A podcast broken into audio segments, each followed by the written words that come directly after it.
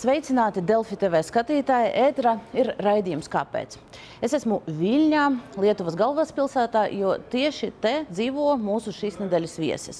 Par Vladimira Putina stratēģiju, to, kāpēc Krievijas opozīcijai gadiem nesanāk mainīt režīmu Krievijā un kāpēc opozīcijai ir tik svarīgi iebraukt Eiropas Savienība ar turistu vīzām. Par šo visu mēs runāsim ar Vladimira Putina sīvākā opozicionāra, šobrīd apcietināta Aleksija Navaļnija labo roku Leonīdu Volkovu. Interviju esam ierakstījuši laikus, dažas dienas iepriekš, jo to ir nepieciešams pārtulkot latviski. Un uh, pirms intervijas neliels ieskats paša Volkova biogrāfijā.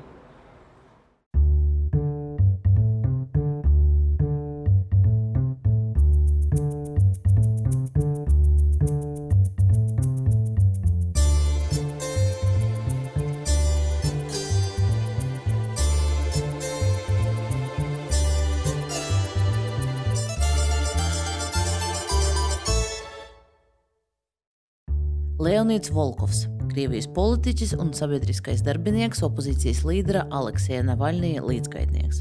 Dzimis 1980. gadā. 2009. gada martā ievēlēts par Jekaterinburgas pilsētas domas deputātu. Kopš tā laika viņš ir arī kustības solidaritāte biedrs, bet 12. gadā bijis viens no Tautas brīvības partijas dibinātājiem un padomas locekļiem bijis viens no Navaļnija 2013. gada Maskavas mēra vēlēšanu kampaņas vadītājiem. 15. gadā viņš vadīja Tautas brīvības partijas vēlēšanu štābu Novosibirskas apgabala vēlēšanās. Formālu iemeslu dēļ partijas reģistrācija tika atteikta un Volkovs uzsāka bada streiku. Vienlaikus pret Volkovu tikusi ierosināta safabricēta krimināllieta, un tiesa šajā lietā viņam piesprieda sodu. Volkovs bija Aleksija Navaļnija 2018. gada prezidenta vēlēšanu kampaņas štāba priekšnieks.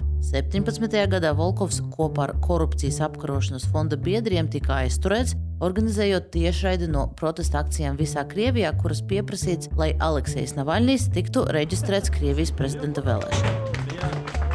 Kopumā kampaņas laikā Volkovs tika arestēts piecas reizes un 95 dienas pavadīja izolatorā.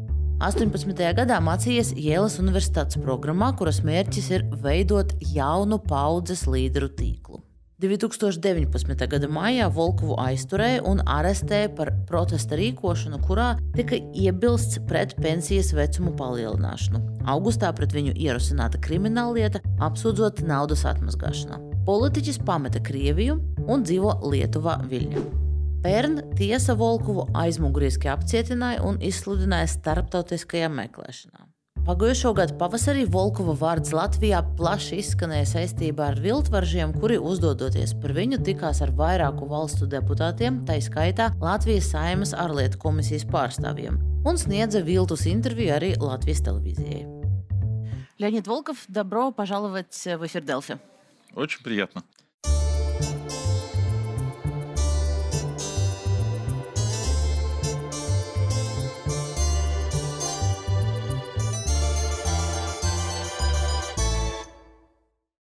Сейчас деятельность многих э, российских оппозиционеров направлена на помощь Украине. Есть люди, которые говорят, что сейчас, как для граждан России, для них это, ну, в принципе, единственная и главная цель. Вы можете сказать э, про себя то же самое? Наша деятельность, как российские политическая сила, направлена, естественно, на Россию и на помощь России. Лучшая помощь Украине, которую можно оказать, заключается в том, чтобы Россия как можно скорее избавилась от Путина. Лучшая помощь, а, которую можно оказать, заключается в том, чтобы внутри России снизить а, уровень поддержки путинской войны, чтобы затруднить для него а, ведение войны и ее продолжение. Каждый должен делать то, что он может делать лучше всего. Ну, жизнь ограничено, ресурсы не бесконечны, и надо прилагать усилия там, где именно от себя может быть максимальный эффект. Понятно, что там есть военный фронт этой войны, где вооруженные силы Украины отбивают напор оккупантов. Но у этой войны есть, естественно, как у любой войны в 21 веке, и другие измерения. Есть экономическое, есть политическое, есть информационное. Мы для себя с первого дня войны мы, это команда Навального, фонд борьбы с коррупцией, э, с первого дня войны выбрали такую линию, такую стратегию, что мы понимаем, как работать с российскими избирателями, с российскими гражданами э, в информационном пространстве. У нас есть канал коммуникации с ними, канал уни- уникальный, накопленный, созданный вот десятью годами всей предыдущей самоотверженной работы Алексея Навального и его команды определенный кредит доверия, миллионы подписчиков в соцсетях, мы сделаем все, что в наших силах, чтобы вот этот канал превратить ну, в орудие борьбы против Путина. С 24 февраля мы каждый день в эфире по несколько часов на русском языке для российской аудитории говорим правду о войне, о том, что происходит, о катастрофических последствиях этой войны не только для э, Украины, но и для России, внутри страны, для российской экономики и так далее, и так далее. Мы видим, что мы делаем правильную и нужную вещь. У нас растет аудитория. а Мы а, на связи ну, с, с многими миллионами россиян. Мы видим, что это медленно, но верно меняет общественное мнение внутри России и считаем, что таким образом мы вносим наш очень значимый, очень весомый вклад в победу над Путиным. Ну, то есть, в принципе, вы переориентировались на ну, журналистскую работу, получается, сейчас? Ну, э, так скажем, мы аллоцировали максимальное количество ресурсов. То есть вот все, что мы могли бросить на информационную работу, а не, конечно, забывая про другие наши направления, мы бросили. Понятно, что никуда не делись антикоррупционные расследования, никуда не делось еще много разных проектов, которые мы делали, но буквально мы масштабную перестройку внутри себя осуществили. Надо же еще не забывать, что 24 февраля, когда началась война, а, образовался огромный вакуум независимой информации о войне на русском языке, э, причем такой, ну, для широкой аудитории. Ну, Путин не только начал войну, он одновременно мощным ударом вырубил все российские независимые медиа, все были там, переблокированы, все редакции были разогнаны. Мы же к этому были готовы. У нас была уже в Вильнюсе студия, у нас были люди, у нас было кое-какое оборудование, мы понимали, в принципе,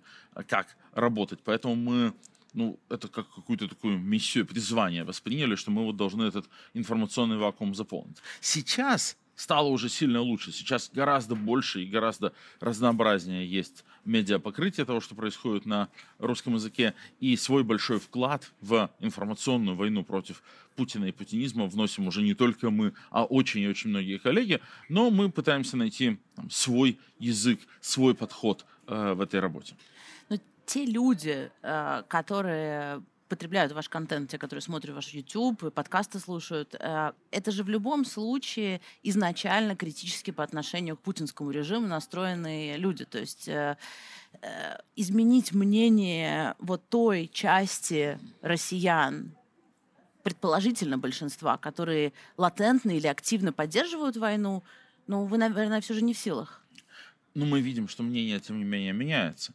Понятно, что есть большой э, риск, э, что ты будешь работать со своим информационным каналом, окажешься в ситуации, когда ты как, э, pray to the converts, э, проповедуешь тем, кто и так верит, э, работаешь только с, со своей аудиторией.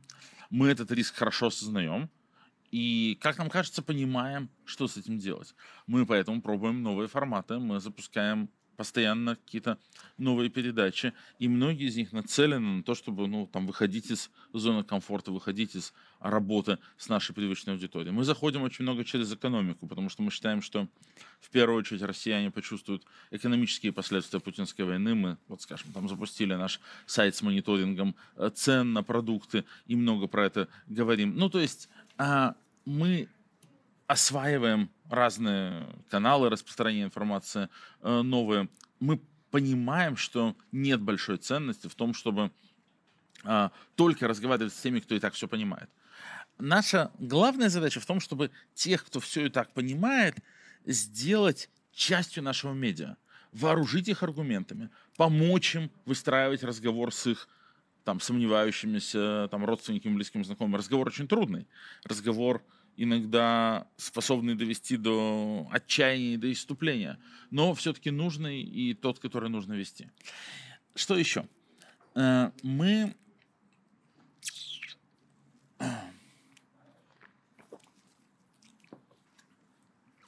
упустил тут какую-то мысль, а, наверное, я, я, тогда, еще я, я думаю, что мы еще вернусь. вернемся, Да. да, мы, и мы наверняка вернемся и к тому, э, к этой вечной дискуссии о том, сколько на самом деле россиян э, поддерживает Путина, но я хотела бы еще вас в начале разговора спросить об Алексее Навальном, он уже более полутора лет э, сидит в тюрьме, э, возвращаясь после лечения э, от отравления в России, он был, он был заде- задержан.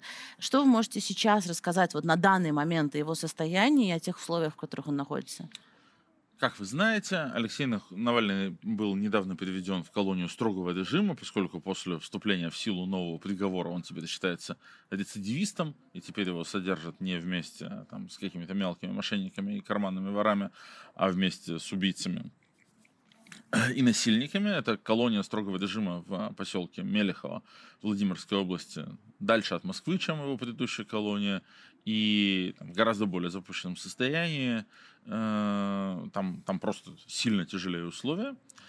Э, Тем не менее, э, как бы Алексей продолжает оставаться с нами на связи. Важнейшая часть нашей работы заключается в том, что мы поддерживаем с ним контакт благодаря адвокатам, которые его навещают, передаем ему новости с воли, получаем от него обратную связь. Алексей Навальный не работает только символом а, российской оппозиции и там, примером стойкости и храбрости, он является действующим руководителем нашей организации.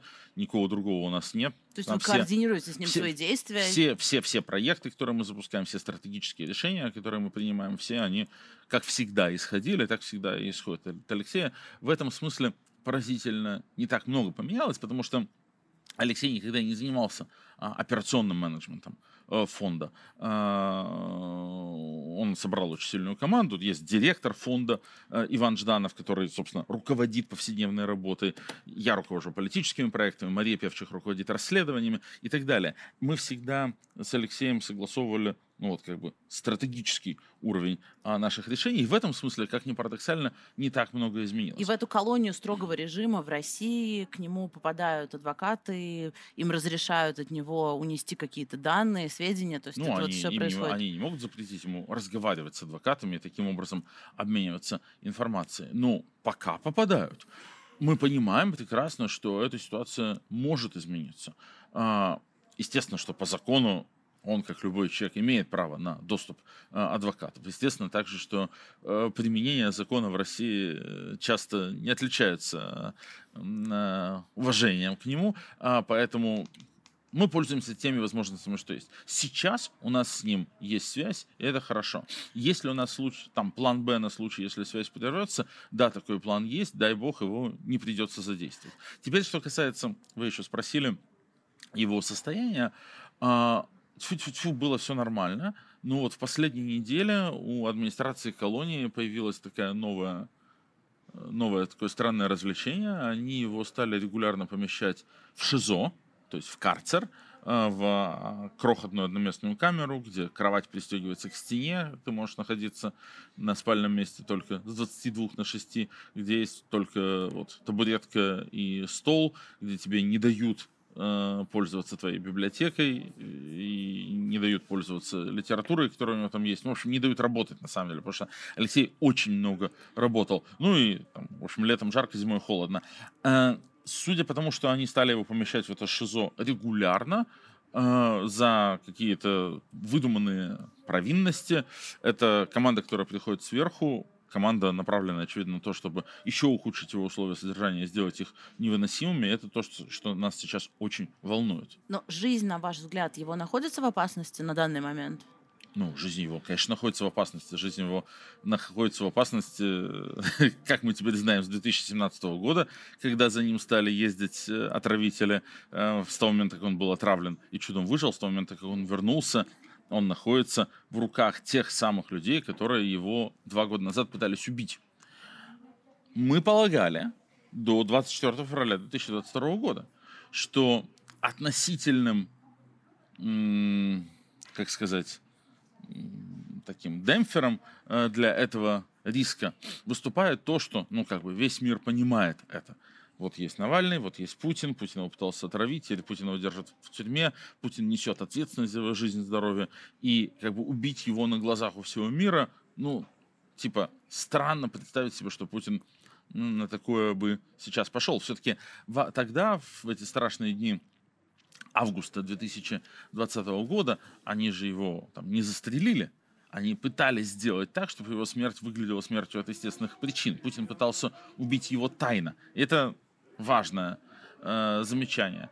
Мы исходили из того, что может быть, он не попытается убить его открыто. После 24 февраля мы поняли, что Путин совсем утратил связь с реальностью, что он, э, ну, что он плевать хотел на общественное мнение, на реакцию лидеров западных стран. Мы с 24 февраля мы каждый день находимся в большом страхе и понимаем, что жизнь Алексея находится в большой опасности.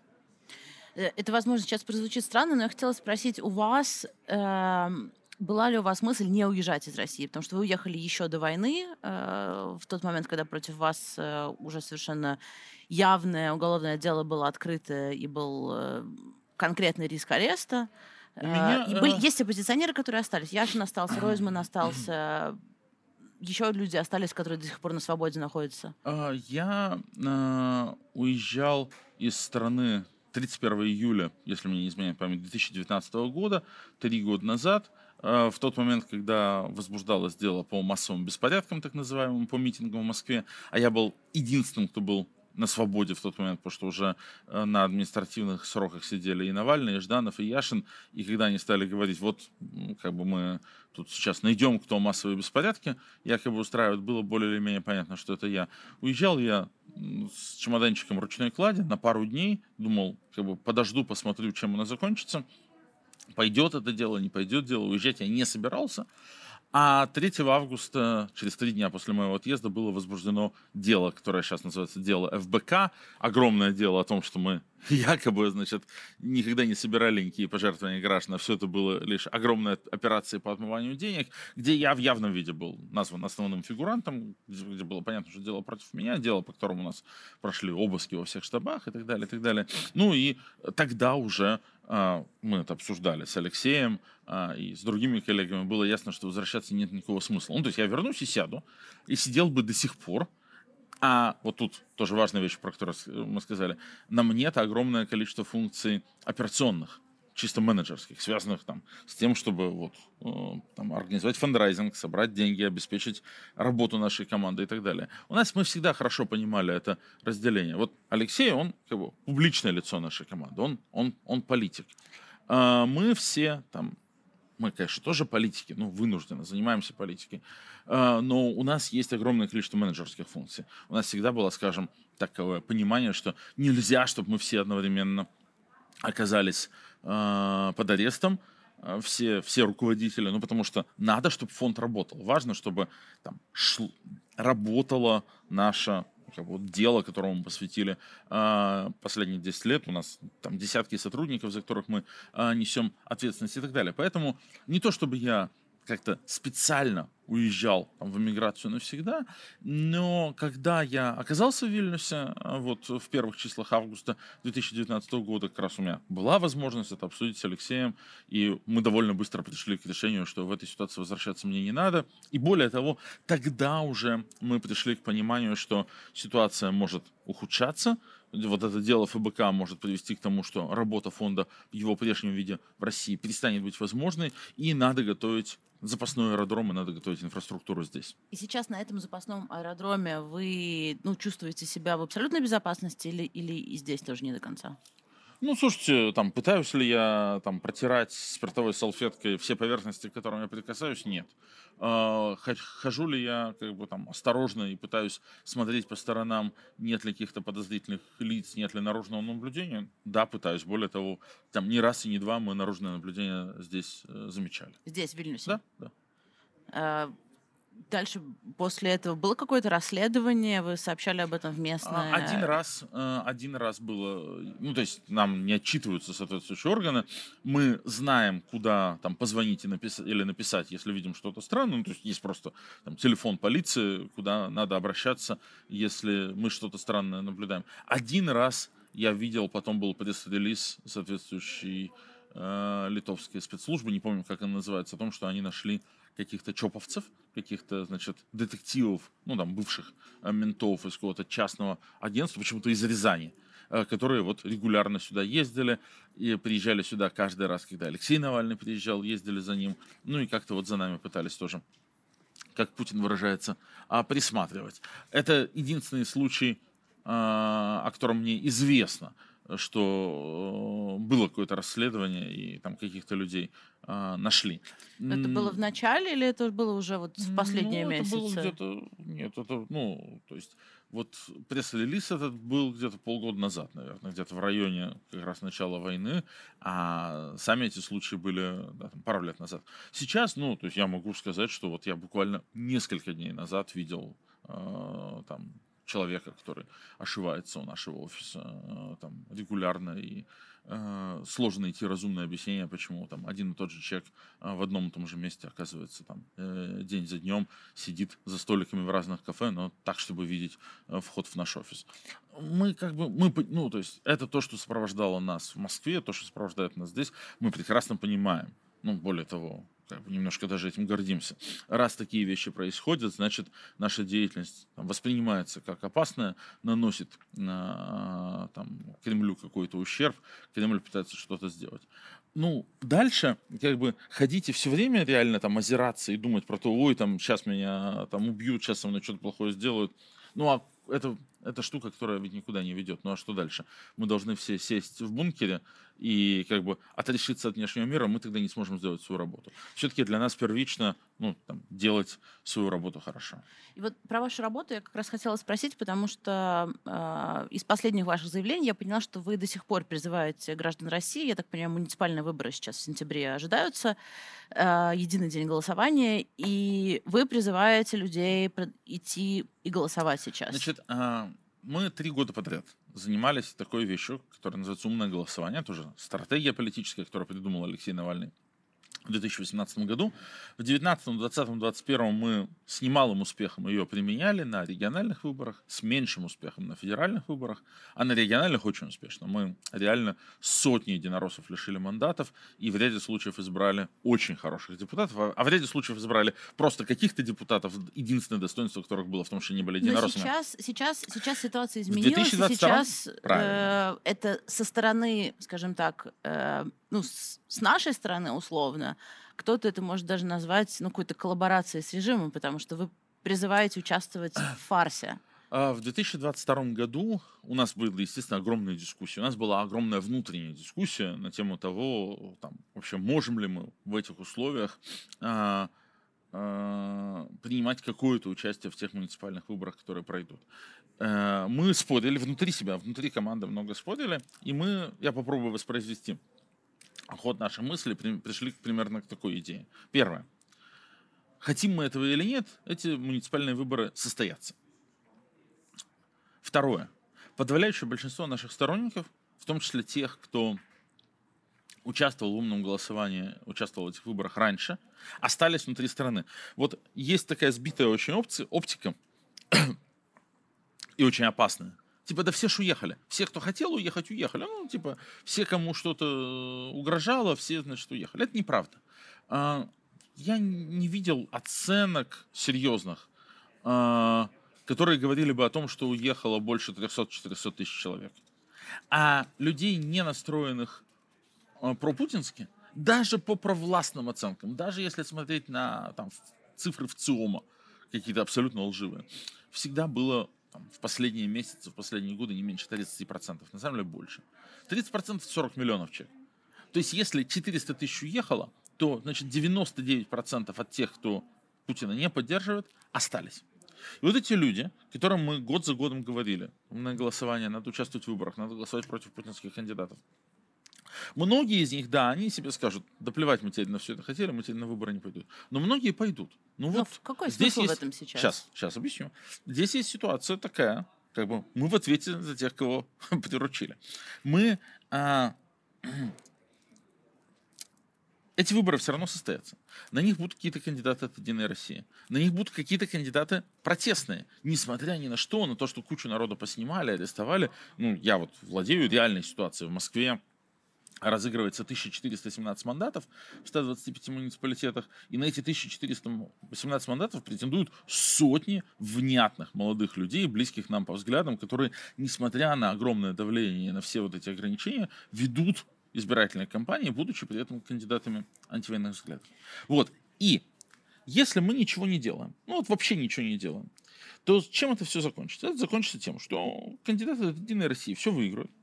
И Путин получит прекрасный подарок для своего нарратива. Вот смотрите, Москва, протестная Москва, Москва, которая на прошлых муниципальных выборах прокатила Единую Россию, теперь вся как один за меня, то есть за войну, за мою партию, то есть за меня, то есть за войну. Вот смотрите, действительно, все они войну поддерживают. Но даже те депутаты, которые пройдут, э, условно оппозиционно настроены, они сейчас не могут назвать слово, сказать слово «война», они не могут даже лайк поставить под, под антивоенным постом. Вопрос, э, действительно ли у них будет какая-то возможность, то есть если сейчас это ваша Нет, главная цель остановить войну, э, и свергнуть Путина, то, то, то, то что они могут сделать, если ничего. у них руки... Абсолют, так смысл? Абсолютно ничего. Так это муниципальные депутаты, у них они никогда не могли ничего сделать. Это муниципалитеты, которые ну, а что не имеют могут... никакого значения, лишены полномочий. С точки зрения да, ваших целей, да, что они могут сделать? Да плевать мне на депутатов, абсолютно мне не плевать на людей, на избирателей, на граждан московских. У нас есть развилка. Если мы не делаем этого,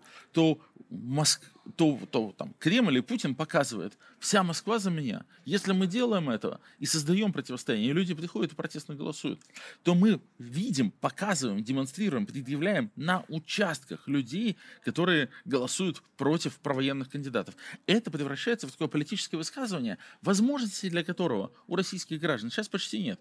На митинг выйти нельзя, посадят. В интернете что-то написать нельзя, оштрафуют. Назвать войну войной нельзя, посадят. А тут появляется возможность для самой ценной штуки, для консолидированного политического действия, для политического высказывания. Приди, проголосуй в соответствии с нашими рекомендациями. У нас будет возможность, так сказать, благодаря нашим наблюдателям, посчитать, сколько таких людей. Мы покажем, что их достаточно много, что миф о том, что якобы все единогласно поддерживают Путина и его операцию, всего лишь миф.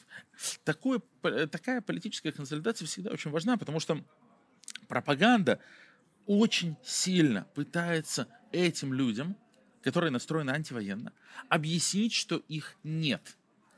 И пропаганда в этом смысле достаточно действенна.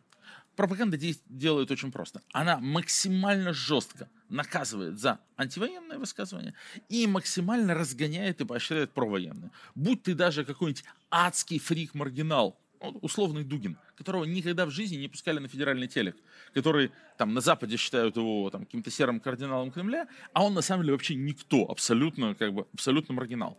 Но поскольку он говорит какие-то вещи про военные, то сейчас из него значит там раздувают из мухи слона, и его высказывания слышно очень много. Высказывания людей антивоенных вообще не слышны. И вот ты идешь по улице, ты находишься в медиапространстве, в, в информационном пространстве сегодняшней Москвы, и тебе кажется, что все вокруг за войну, все вокруг за войну, и ты сидишь и думаешь, я со своей точки зрения абсолютно маргинал, меня на самом деле не существует, я один такой, ну, может быть, там моя семья, я как бы буду сидеть тихо, потому что что я сделаю против этой махины? В этих условиях любая возможность людям показать, что их много через политические консолидирующие действия, имеет огромное значение. Э, на следующий вопрос я попрошу вас вкратце ответить, но то есть сейчас, после начала войны, отсюда вы, э, ну, по сути, у вас работает такая теория малых дел, то есть по каким-то крупицам э, сохранять вот это вот оппозиционное настроение в России. В, российско, Но... в российском политическом дискурсе теория малых дел всегда... Это про другое, да, да я всегда, знаю. всегда было про другое. Но, но, но э, до этого, до войны, до вот этого последнего ужесточения, российская оппозиция была, ну, достаточно ну, сильной, скажем так, хотя бы в Москве. Навальный участвовал в выборах московских, Это чего было только не было. году. Да, да, естественно, чего только не было. Но вопрос, э, в какой-то момент вы, как вот коллективная оппозиция, упустили возможность выступить очень громко. Вы, вы где, где-то где-то была вот эта вот сила оппозиционная, но ну, Путин это... ее переломил. Вопрос, можете ли вы идентифицировать как какой-то перелом, где, где что-то пошло не так? Это какая-то очень странная презумпция. Ну, то есть это вопрос, который содержит в себе ответ, типа, э, содержит в себе предположение, что мы упустили такую возможность. Я не считаю, что мы упустили какую-то возможность. все эти годы делали все, все я, идеально? Мы не делали все идеально, мы делали какие-то ошибки, безусловно, и я могу вспомнить немаленькое количество ошибок, которые мы делали, но при этом мы действовали искренне, мы делали все, что могли, но ну, а почему не получилось? Почему ну, потому, Путин сидит до сих пор в Кремле? Ну, потому что Путин тоталитарный диктатор с бесконечными ресурсами. А почему не получилось у, у тех, тех, этих, этих? Ну, к сожалению, история нашей несчастной планеты знает огромное количество подобного рода диктатур, и очень малое количество из них удавалось свергнуть какими-то а, там волнениями, какими-то протестами внутри. Как правило, э, диктатура вот такого э, исчезают из-за каких-то внешних факторов или, ну, или из-за биологических факторов, из-за э, смерти диктатора. Э, ну, то есть там предъявлять нам, что чё ж вы его не свергли, ну, это, а, глупо, Б, довольно лицемерно, да, потому что все эти годы э, там западные страны воспринимали Путина как легитимного партнера, в том числе после 2014 года, жали руки, обнимались, покупали нефть, газ, увеличивали свою зависимость, посылали ему там деньги, оружие, все что угодно, а вы типа, ну давайте, выходите, значит, вы ну, свергайте голыми руками говорили об этом постоянно, так что к, к балтийским журналистам, во всяком случае, здесь претензий быть не может, на мой не, у меня нет никому претензий, просто э, я скорее спорю с такой э, смешной, наивной, глупой и вредной точкой зрения, что типа э, россияне сами виноваты, что не свергли Путина. Россияне жертва. Путин их годами насиловал, арестовывал, сажал в тюрьмы, отбирал у них все, доводил до нищенского состояния, там экспортировал из страны 50-60 миллиардов долларов в год э, украденных россиян, которые приводили к тому, да, что там в любом российском городе, э, кроме Москвы, там уровень жизни гораздо ниже, чем в тех же странах Балтии, и россияне были обречены там, на какую-то просто тяжелую повседневную борьбу за выживание. А После этого, как часто бывает с домашними насильниками, абьюзерами, он переключился уже и на соседей, а, значит, теперь те, кого он годами избивал, унижал и грабил, еще и оказываются виноватыми в его поведении. Ну, я с этим не могу согласиться. Э, среди, э, если, если мы пошли по такому пути э, каких-то возможных, ну, если так можно назвать, ну, претензий, что ли, к российской оппозиции со стороны условных западных аналитиков, то и журналистов одна, одна вещь, э, которую многие отмечают, это, скажем так, некий раскол э, после Крыма э, в рядах российской оппозиции по вопросу ну, классическому «Чей Крым?». И Алексей Навальный тоже в один момент был достаточно ну, скажем так, громко он высказался на тему того, что, а, если я правильно помню, Крым не бутерброд, чтобы его туда-сюда передавать, когда его спросили о том, а, вернул ли бы он Крым, придя к власти. И сейчас у меня к вам вопрос. Э, ваше, ваше личное мнение на данный момент. Крым, Украина? Значит, давайте все-таки, поскольку этот вопрос возникает раз за разом, то давайте с ним будем э, разбираться, давайте. потому что ни один вопрос не задавали так часто и не интерпретировали вопросы, ответы на него так, так плохо. Значит, я не знаю ни о каком, как вы говорите, расколе в российской оппозиции по отношению э, к Крыму. Это сразу тоже какая-то неверная предпосылка, потому что, разумеется, все нормальные люди сразу осудили аннексию Крыма как грубое нарушение норм международного права и как преступление, которое Путин совершил в первую очередь против России.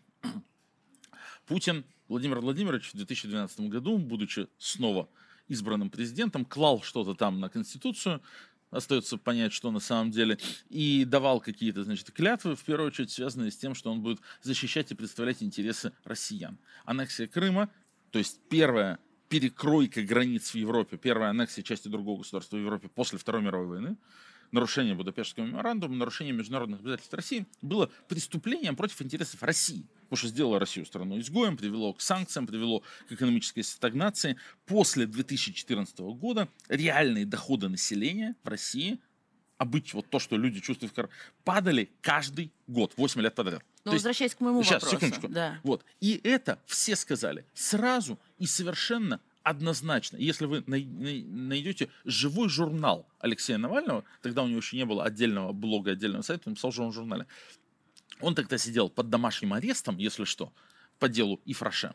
Значит, и он тогда по-моему, пост от 16 марта 2014 года. Написал огромный пост на тему того, насколько аннексия Крыма невозможна, преступна и незаконна.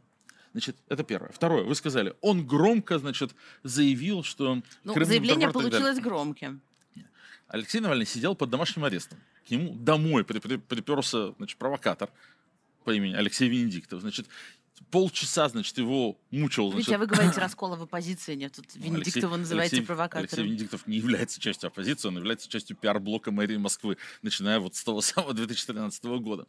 А, э, значит, э, он его долго-долго, значит, там, пытался сделать так, чтобы Алексей правильно ответил, он задавал буквально следующий вопрос. Так, отда- отдадите или нет? Отдадите или нет? Алексей Навальный дал совершенно правильный ответ в политических реалиях 2014 года, 2015 ни о какой отдаче Крыма не могла идти речь. А подождите, а ну, подождите если незаконно, если незаконно, э, э, мы часто используем э, термин оккупация Крыма произошла, да? э, почему бы его не отдать? Какая разница, какие политические реалии, если Крым это Украина? Нет, ну еще раз.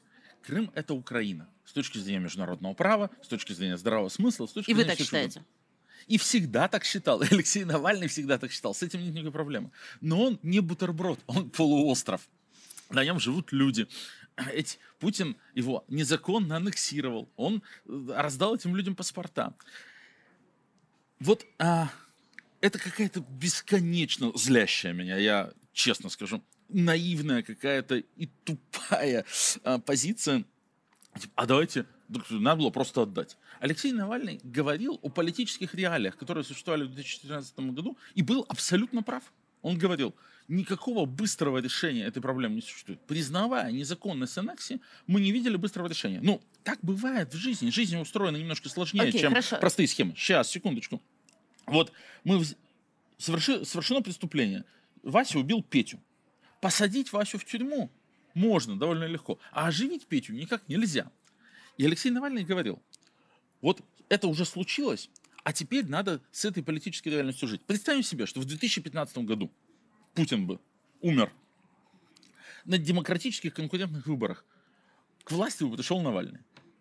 При этом в российском обществе объективно, к сожалению, было огромное настроение, связанное с тем, что типа Крым наш, как здорово и так далее. Мог ли бы быть там демократически избранный президент Навальный, взять его и просто отдать? Да, мог, потому году? что нарушены иностр... нормы ну. международного законодательства. Здесь совершенно не важно, что думает российское население на эту тему. Ну, нет, не мог, Если... потому что российское население, потому что население Крыма того же самого в 2015-м имело совершенно однозначную мы позицию. Мы не знаем, какую и... позицию оно имело. Ну, мы, мы, мы понимаем, какую Но мы можем только имело. предполагать, если вот. официальный российский и... опрос нам что-то говорили, и гип... мы... И гипотетическое, и гипотетическое, так сказать, там, отдача Крыма в 2015-м, она там, ну, вызвала бы просто там, мы, мы и так уже находимся в области, конечно, предположений, ну, там, какую-то очередную революцию этого президента бы не стало. Навальный говорил, Путин создал есть, проблему... Вы, вы, вы предполагаете, что если бы... Э, ладно, очень, очень короткий экскурс в, в, в э, прекрасную Россию, не, не, не произошедшую.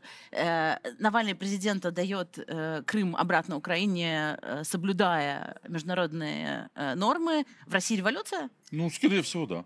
Ну, то есть э, это решение не было бы признано, а, не было бы принято а, российским народом на тот момент. А, ну, это, То есть это... из-за войны сейчас Но... революции не произошло, Нет, а, а из-за... А из Мы же говорим про демократическую Россию.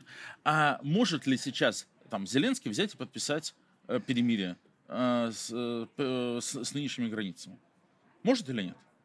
Ну, Ответ. Нет, конечно. Конечно, нет, потому что общественное мнение в Украине радикально настроено против этого. Это политически абсолютно невозможно. Вот в реалиях там, 2014 или 2015 года было политически абсолютно невозможно okay. говорить про возврат. Теперь, 2022 все изменил. В 2014-2015 Навальный, Навальный говорил совершенно верно. Путин создал огромную проблему на много лет вперед.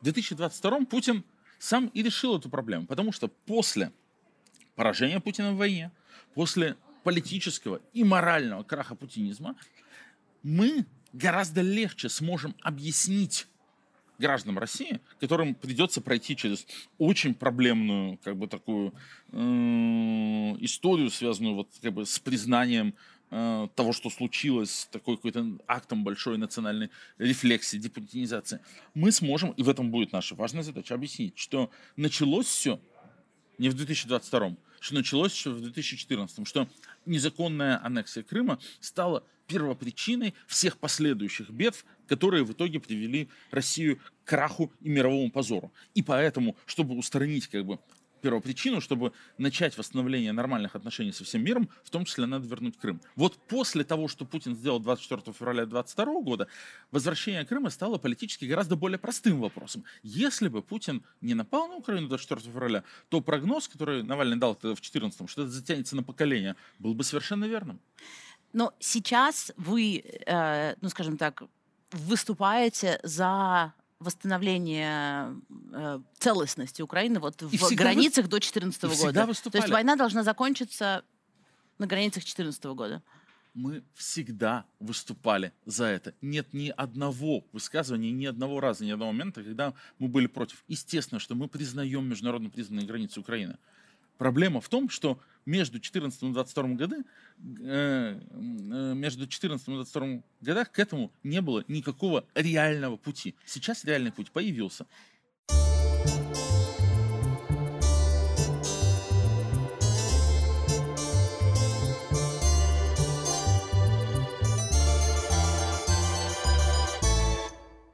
Если мы э, говорим о том, что происходит сейчас э, на, на фронте, э, на этой войне, то, на ваш взгляд, сейчас главная стратегическая цель Путина, что вообще, что они там пытаются сейчас сделать? Главная стратегическая цель Путина заключается, главная стратегическая цель Путина не на фронте, главная стратегическая цель Путина заключается в том, чтобы добиться перемирия. Любой ценой. Путину нужно перемирие, потому что перемирие изменит политическую реальность. Появится зеленая линия, вокруг нее появятся блокпосты, появится ощущение, что такое все выдохнули, стрелять перестали. Красота.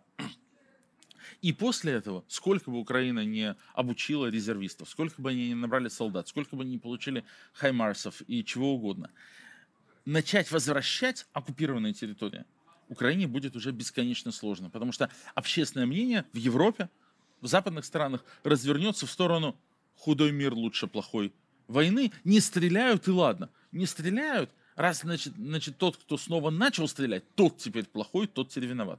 Путин прекрасно понимает, что если перемирие случится, то это навсегда. Ну, то есть на очень долго, на очень много лет. Нет ничего более э, постоянного, чем временное. Появится эта линия, он эту линию обустроит и укрепит, сделав украинскую реконкисту очень-очень сложной. Он аннексирует действительно все территории, которые окажутся за этой зеленой чертой, русифицирует их, прогонит все население через фильтрационные лагеря, кстати, сделает там Россию страшную и э, ужасную. Политически Украине будет бесконечно сложно дальше что-то с этим делать, с этой политической реальностью. Потому что, с одной стороны, украинская экономика будет в полном ужасе, потому что Украина потеряет огромное количество территорий, огромное количество производственных мощностей, налоговой базы плодородных земель. С другой стороны, общественное мнение в Европе будет развернуто максимально против того, чтобы война возобновлялась. Ну, то есть э, э, все такие будут все европейские политики сходят к своим избирателям, скажут, мы молодцы, мы принесли вам мир, больше не стреляют, украинские беженцы, значит, больше не являются политической проблемой, эм, цены на газ пошли вниз, цены на электричество пошли вниз, круто. И если украинцы будут пытаться бороться за свои земли, за свои территории, за восстановление своей территориальной целостности военным путем, то уже европейское общественное мнение перестанет их а, поддерживать. Вот что Путин прекрасно понимает. Ну а для Путина это перемирие а, будет передышкой и возможностью копить силы, перестраивать свою армию, учитывать ошибки, сделанные в 2022 году, копить силы для значит, новой войны. Поэтому... Вы уверены, что она будет в таком случае? Ну, а куда она денется? Пока Путин жив, он, он сейчас потерпел, конечно, огромное унижение. Он, конечно же, там, прекрасно понимает, он может там, через свою пропаганду сколько угодно а, пытаться обманывать э, там, кого угодно. Но все помнят и все знают, что он своим генералам обещал парад на Хрещатике через три дня после начала войны, который не случился, и так далее. То есть Путин э, Конечно, ну, он злобный, мелочный довольно жалкий э, человечек. Он, конечно, затаил огромную э, злобу и ненависть, он, конечно, будет мстить. Путину нужно перемирие любой ценой. И он задействует для этого любые политические инструменты. Летом он придумал такую схему зерновой шантаж, типа я сейчас значит, заставлю западных спонсоров Украины. Украина сейчас объективно не может а, продолжать воевать а, и жить без серьезной поддержки а, Запада, ну, потому что разрушена огромное количество инфраструктуры и а, нет денег в бюджете просто иначе. Вот. Я сейчас прессану Шольца, Макрона и так далее, угрозой голода в Северной Африке и новой волны мигрантов. Когда это не получилось, надо сказать, что европейские лидеры проявили завидную стойкость в июне, Путин перешел теперь вот к следующему этапу, он шантажирует Запад холодом. Ну, пока э, тоже ничего не получается. Ну, знаете, вы уверены, что ничего не получается? Это вот, может, в странах Балтии есть такое ощущение, что ничего не получается. В Германии вот на днях было заявление уже не каких-то маргиналов, а левой фракции э, социал-демократов, то есть правящей партии, партии Шольца, во главе с некоторыми достаточно э, влиятельными политиками. Нам нужно перемирие, надо, мы должны использовать, говорили они, тот рычаг, который у нас есть на Украину, чтобы принудить э, Зеленского к миру. И это, мы, это звучит все чаще и чаще, мы слышим это из э, целого ряда европейских стран, плюс у Путина есть, конечно же, огромная сеть агентов влияния, плюс это месседж, который очень легко продавать. Ну, кто же скажет, что я за войну? Мы же за мир, мы вот, вот за перемирие, чтобы, чтобы перестали стрелять, чтобы прекратилось насилие, чтобы весь этот ужас скорее закончился. Ну, есть огромное количество путинских агентов и или полезных идиотов. И в Америке, и в Европе, и где угодно, которые с добрыми глазами и понимающими э, такими, значит, вот э, какими-то интонациями говорят, ну, конечно, самое важное, чтобы закончилась война. Это любой ценой, да, если надо пойти на уступки, то давайте пойдем на уступки, ну, это же временно. А, а, зато, а зато перестанут стрелять, зато прекратится насилие. И мы не замерзнем. Это очень важный нарратив сейчас в Европе. И украинцы сейчас сражаются на два фронта. Они, с одной стороны, отбивают атаки оккупантов, э, агрессоров на военном фронте, а с другой стороны, они должны биться за то, чтобы вот их не прогнули на это самое перемирие, чтобы не остановилась э, военная экономическая поддержка Украины. Им приходится сейчас очень сложно, сейчас очень критический момент. Вы э, тоже каким-то образом работаете на вот переломление этого мнения, на, на, на девиз перемирия? Это, по сути, временная победа Путина? Не временная, а просто огромная победа. А, как бы перемирие – это последний шанс для Путина избежать поражения. А, а значит, а поражение что значит, означает? Поражение – это значит, что когда через несколько месяцев Украина получит больше вооружений и обучит свою армию, потому что мобилизационная численность украинской армии сейчас э, кратно превышает ту э, группировку войск, которая э, Россия использует э, на этой войне, то Украина просто начнет отвоевывать территории, начиная с Херсона, а, ну и там и дальше. Не, не знаю, куда дальше. Поражение, окончательное поражение Путина в войне будет означать, на ваш взгляд, краха режима тоже? Или Я нет? думаю, да. Я не могу себе представить, мне очень сложно себе представить, как Путин смог бы стабилизировать свой режим э, после военного поражения. Мне это находится в области какой-то фантастики. Ну, то есть... ну а что там произойдет? Вот механика этого, этого падения режима после поражения. Это генералы восстанут, элиты? Э, что произойдет? Потому что ну, на данный момент он сидит в бункере, я так ну, понимаю, слушайте, абсолютно недоступен и правит. Ну, для кого-то он доступен. Мы не, не знаем точно, естественно, всей этой механики, но э, среди путинской элиты нет тех, у кого есть основания быть довольными. А, ну, то есть все его там олигархи потеряли свои яхты, самолеты и, и очень, очень многие активы, и их там бизнесы обесценились э, из-за разрыва экономических связей. Путинские чиновники больше не могут возить своих жен и любовниц в Куршевель, и вообще весь их лайфстайл э, полностью был разрушен. Путинские генералы думали, что они через неделю после начала войны получат новые звезды, медальки, что они войдут в историю как победоносные генералы, которые вот, э, значит, восстановили советское величие и присоединили к себе территории. Вместо этого кто-то из них убит, а кто-то из них, в общем-то, ну, как бы войдет в историю исключительно как военный преступник. Нет никого, у кого есть основания быть довольными. Но пока но все это, это их не, ну, ни к какому активному действию не. Разум, разумеется, потому что страхи огромные, потому что каждый понимает, что если кто-то там выскажется и вякнет на тему недовольства, то там новичок это лучшее, что с ними может произойти.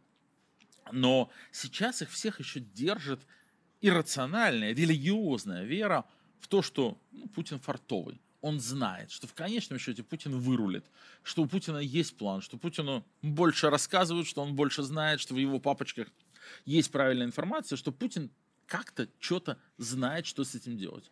Вот когда эта вера будет подорвана, а, то коллапс режима будет очень быстрым.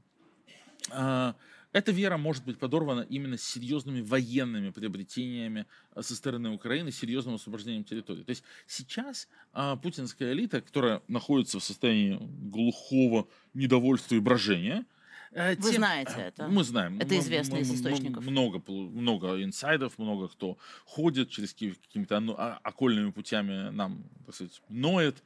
Э, понятно, что все ужасно трусливо. Понятно, что много лет отрицательного естественного отбора, и всем очень страшно и мало кто выражает свое недовольство как-то публично, но нытья там будь здоров.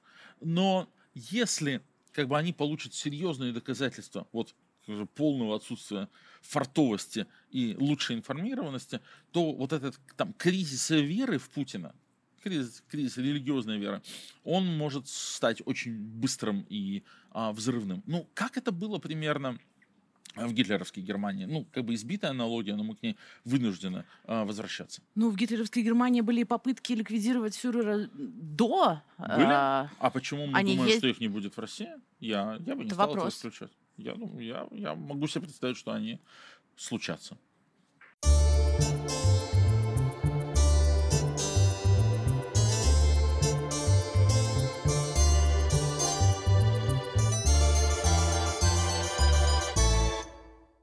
Вы выступаете как, как команда Навального, как фонд против, э, э, против борьбы, э, по борьбе с коррупцией, вы выступаете э, за расширение э, санкционного списка. Да. И, э... и здесь я сразу просто задам вопрос. Э, ну, из нашего разговора сейчас выходит, что пока Путин в войне не проиграет, никаких, никакого смысла от этих санкций нет, потому что как бы, не, как бы не были недовольны элиты, они все равно будут бояться. Да нет же, да нет же. А, как мы говорили с вами в начале разговора, война 21 века это сложная, такая очень многоукладная, э, мультимодальная история. Вот есть чисто военное противостояние, есть экономическое. Вот в чисто военном там было очень страшно в начале, потому что Путин забрал огромную военную мощь, Украины не было ничего сопоставимого. В экономической войне немножко поспокойнее. ВВП России меньше, чем ВВП тех стран, с которыми он пытается сейчас тягаться, там, в 30-40 раз. Поэтому понятно, что на какую-то там, долгосрочной перспективе, так или иначе, Россия обречена на поражение в санкционной войне. Санкции не действуют быстро.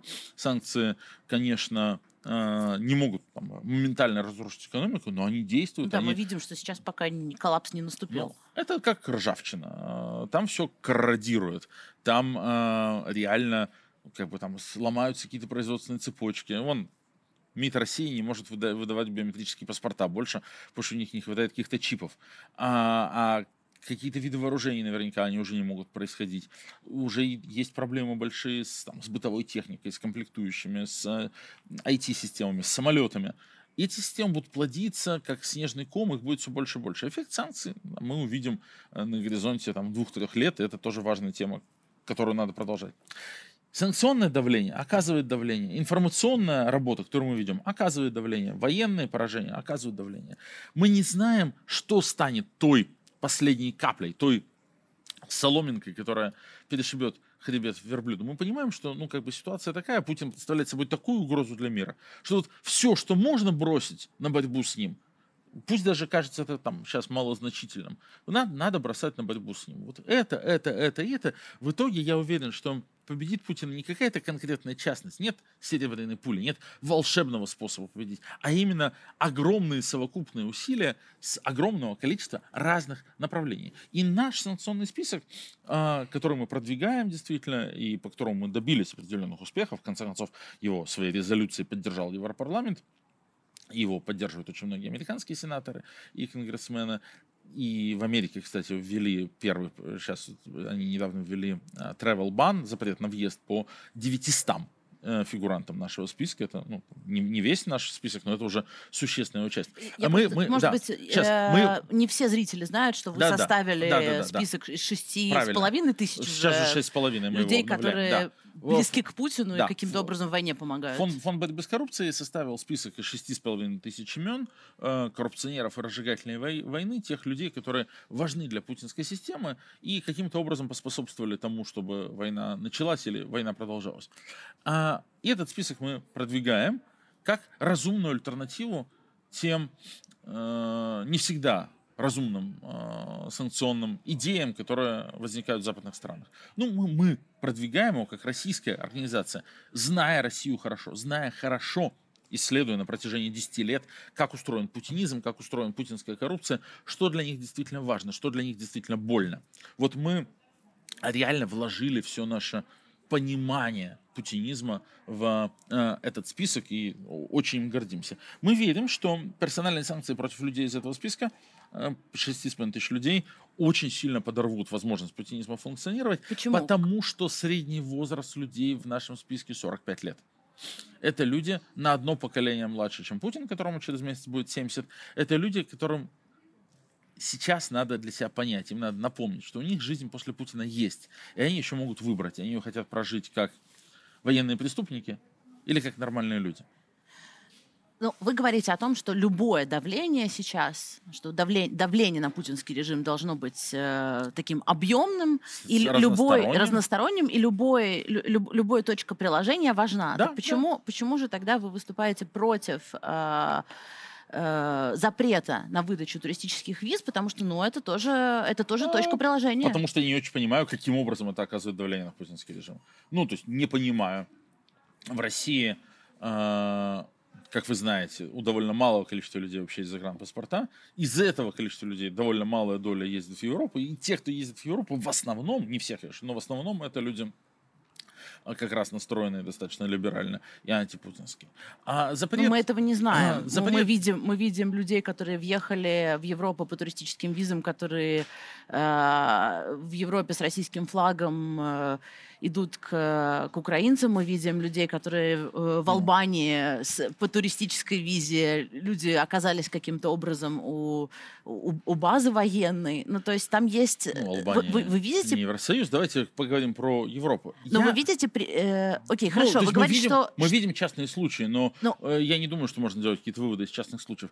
А в, в практическом смысле, в практическом смысле, э, решение Европейского Союза э, о запрете там, туристических виз, выдачи виз по туристическим основаниям, если бы оно случилось бы, ну, оно привело бы к тому, что какое-то количество денег переместилось бы из бюджета Испании, Греции Франции в бюджет Турции и Египта. Ну все, ну то есть просто окей. Люди, которые хотели поехать на испанский пляж, поедут на турецкий пляж, больше никаких последствий это не имеет. Проблема в другом. Проблема в том, что нет, такой, нет, нет такого виза, типа виз, как туристические. Есть шенгенские краткосрочные визы С. По ним въезжают и туристы, и ученые, и журналисты, и политические иммигранты. Ну, политических иммигрантов, журналистов, э, во всяком случае, Латвия сейчас принимает по гуманитарным визам Д, и да, да все, все происходит. Гуманитарную визу Д ты не можешь получить как страховку на случай там, обыска и давления. Я знаю огромное количество людей в России, у которых открыты шенген, э, шенгенские визы С обычные, которые легко получить, чтобы, если что, э, можно было уехать, чтобы немножко спокойнее жилось. Ну, взгляните на это со стороны, со стороны Европейского Союза. А, выдавая такую визу, а, страна Европейского Союза не может быть уверена в том, кто ее будет использовать. Это кто-то, кто берет это себе как страховку, или это Петров и Баширов, или кто-то, кто, не знаю, едет следить за вами, например. Может, проверяйте. Ну, то есть, э, вот Туристические визы так не проверяются. Нет, нет такого, так, такой системы сейчас.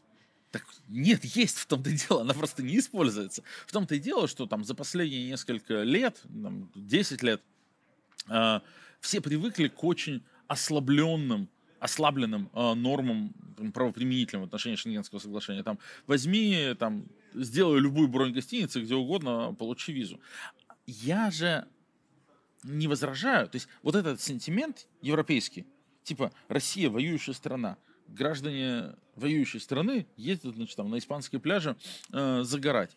Э, как это вообще морально приемлемо? Я этот сентимент прекрасно понимаю. Если был простой инструмент отсечь э, чисто туристические поездки от поездок не туристических. Ну, он есть, от, закрыть туристическую, туристическую программу, туристические визы, выдавать гуманитарные Вы меня визы, не что сейчас делается? Вы меня не слышите. Нет такого типа виз туристических. Ну, не Окей, существует. хорошо. Э, Виза, виза шенгенская, виза С. Меня, ну вот, а закрыть шенгенские визы С, значит, э, целиком, значит, поставить под удар огромное количество людей, которые... Продолжать выдавать гуманитарные визы. Ну, Никто не выдает никакие гуманитарные визы. Гуманитарные визы Д выдаются там штучно, а, там на протяжении там очень долгой мучительной процедуры. За Там неделю, за Герма- неделю их Германия выдала сейчас. типа 200 штук, что ли, за все время. или За, что-то неде- за неделю они выдаются.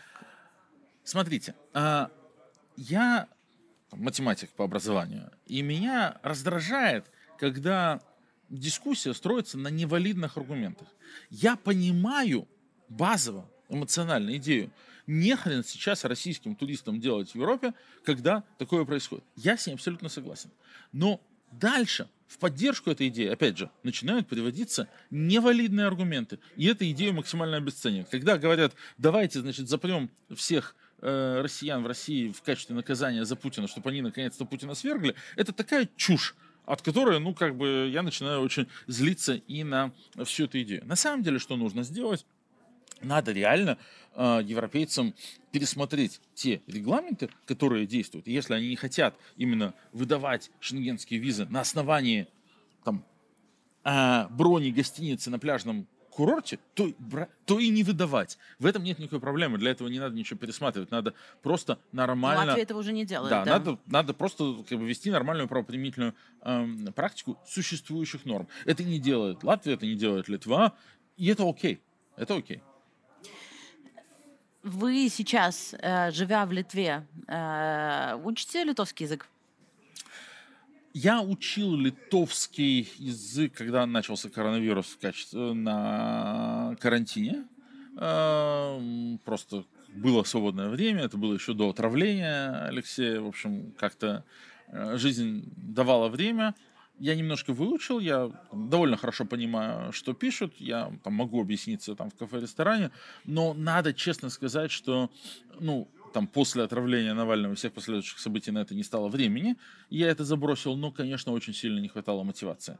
Вильнюс бесконечно прекрасен как многонациональный космополитичный город, и за три года жизни в Вильнюсе мне еще не удалось найти человека, который не говорил бы либо на английском, либо на русском. Ну, а как, а как, некое, ну, как некий символический жест, просто ну, уважение, уважение к стране. Ну, как, как символически. Я... Я, Продолжать пытаться что-то как-то лучше выучить. я думаю, что я довольно хорошо понимаю по-литовски. А, и если будет время, займусь еще.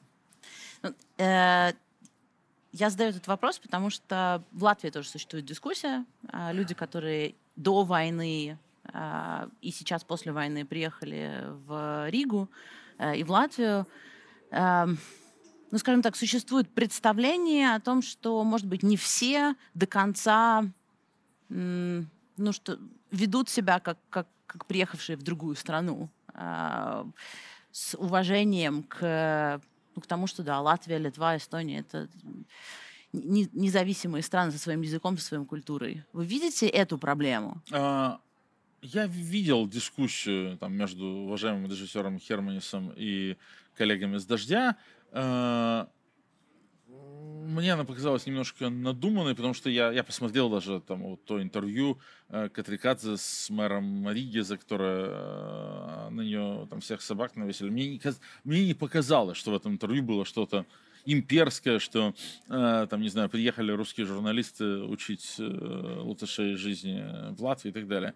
Но у нас, конечно, совсем нет тут такого дискурса. Во-первых, потому что мы, конечно, ни в коем случае не лезем в литовскую политику и э, занимаемся подчеркнуто исключительно политикой.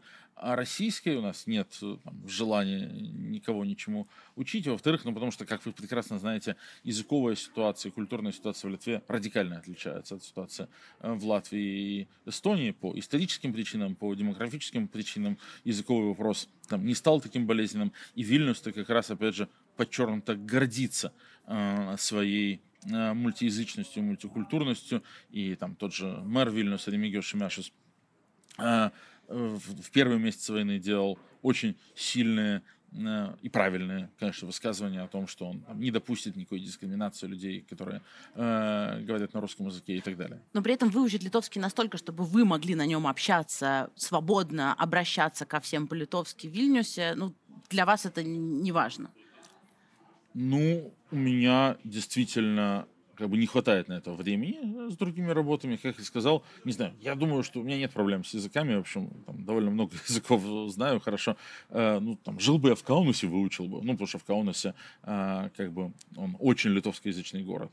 И ну, так это не, такой, в принципе, э, это, это не, не должно иметь значения, где вы живете, если это как ну, дань уважения, что ли, к, к стране, которая вот дала вам возможность работать.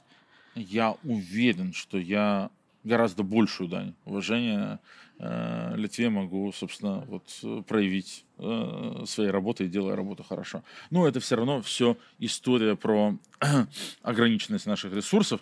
Э, это ж не так, что вот ну, хочу я выучить литовский, а мне просто типа э, лень. Э, это там время и силы, которые надо забрать от чего-то другого. А, от, от, от, время и силы, э, которые я не потрачу на какую-то часть моей работы, которая, ну, как мне кажется, является достаточно важной. Поэтому мне кажется, что это довольно э, надуманная дискуссия. И здесь, в Литве, ну, Вы знаете, она надуманная, может вопросов. быть, для вас, но в Латвии это очень важная дискуссия, поэтому я задаю вам этот вопрос. Ну, потому что за годы независимости Э, в балтийских странах была разная траектория развития как бы, языкового вопроса. Вот и все. Последний вопрос. Несколько, некоторое время назад э, вы приобрели такую интересную популярность в Латвии после того, как э, э, пранкеры, изображая вас, пообщались с депутатами латвийского парламента. Э, с тех пор у вас появилась какая-то новая информация о цели этой шутки? И, может быть, какое-то новое объяснение? Это, это не шутка. Ну, шутка в кавычках. Да, да. ну, и это, это, конечно, там, не пранк. Провокация. Это провокаторы, которые работают на Кремле, работают давно. Эти Вован и Лексус занимались с нами, мочили нас разными способами э, там, еще в 2015 году. В 2015 году я вел кампанию по региональным выборам в Новосибирске. Нас не пустили на выборы. Э, несколько моих коллег, и я в том числе, в штабе объявили голодовку. И тогда вот эти же люди, значит, звонили и от нашего имени, нашими голосами заказывали в штаб пиццу когда мы, значит, в штабе сидели и голодали, чтобы потом, опять же, об этом снять пропагандистские сюжеты на Russia Today. Смотрите, значит, вот Волк, Волков а, делает вид, что голодает, а на самом деле пиццу заказывает. А с тех пор они очень сильно выросли. То есть, если как бы в 2015 году их контрагентами были э, пиццерии, то теперь уважаемые депутаты уважаемых парламентов разных стран, не только балтийских стран, они дозванивались до канадского парламента, нидерландского, британского и так далее. Это все имеет свою целью, конечно, дискредитацию, прежде всего. Ну, то есть, как бы, э, я чувствую, что там, мы становимся от этого токсичными. Люди боятся с нами разговаривать, просят там проверить, настоящие ли мы. А были люди, которые там до последнего времени думали, что действительно со мной разговаривали. Они звонили в какие-то, скажем, фонды э, западные, которые там какую-то оказывают финансовую поддержку, и типа там от моего имени просили денег. То есть когда, это все продолжалось? Да, да, когда им там не давали, еще как-то грубо себя вели и там ругались и посылали по известному адресу. Это была серьезная операция по, ну, как бы по дискредитации нас, по осложнению нашей работы за пределами России, что еще раз показывает, что эту э, работу Кремль внимательно э, за ней следит и считает ее болезненной для себя. Ну, спасибо большое. На этом а, время, время нашей передачи уже давно подошло к концу. Мы немножко перетянули время, но спасибо вам большое за интервью. Ar šo mēs noslēdzam šo interviju. Un, es atgādināšu, ka raidījumu varēs skatīties ne tikai Delfi TV ēterā, bet arī RTV. Un esam klausāmi arī podkāstu platformās Apple un Spotify. Skatītājiem paldies par uzmanību, viesim paldies par piedalīšanos. Un uh, tiekamies pavisam drīz Delfi TV ētrā.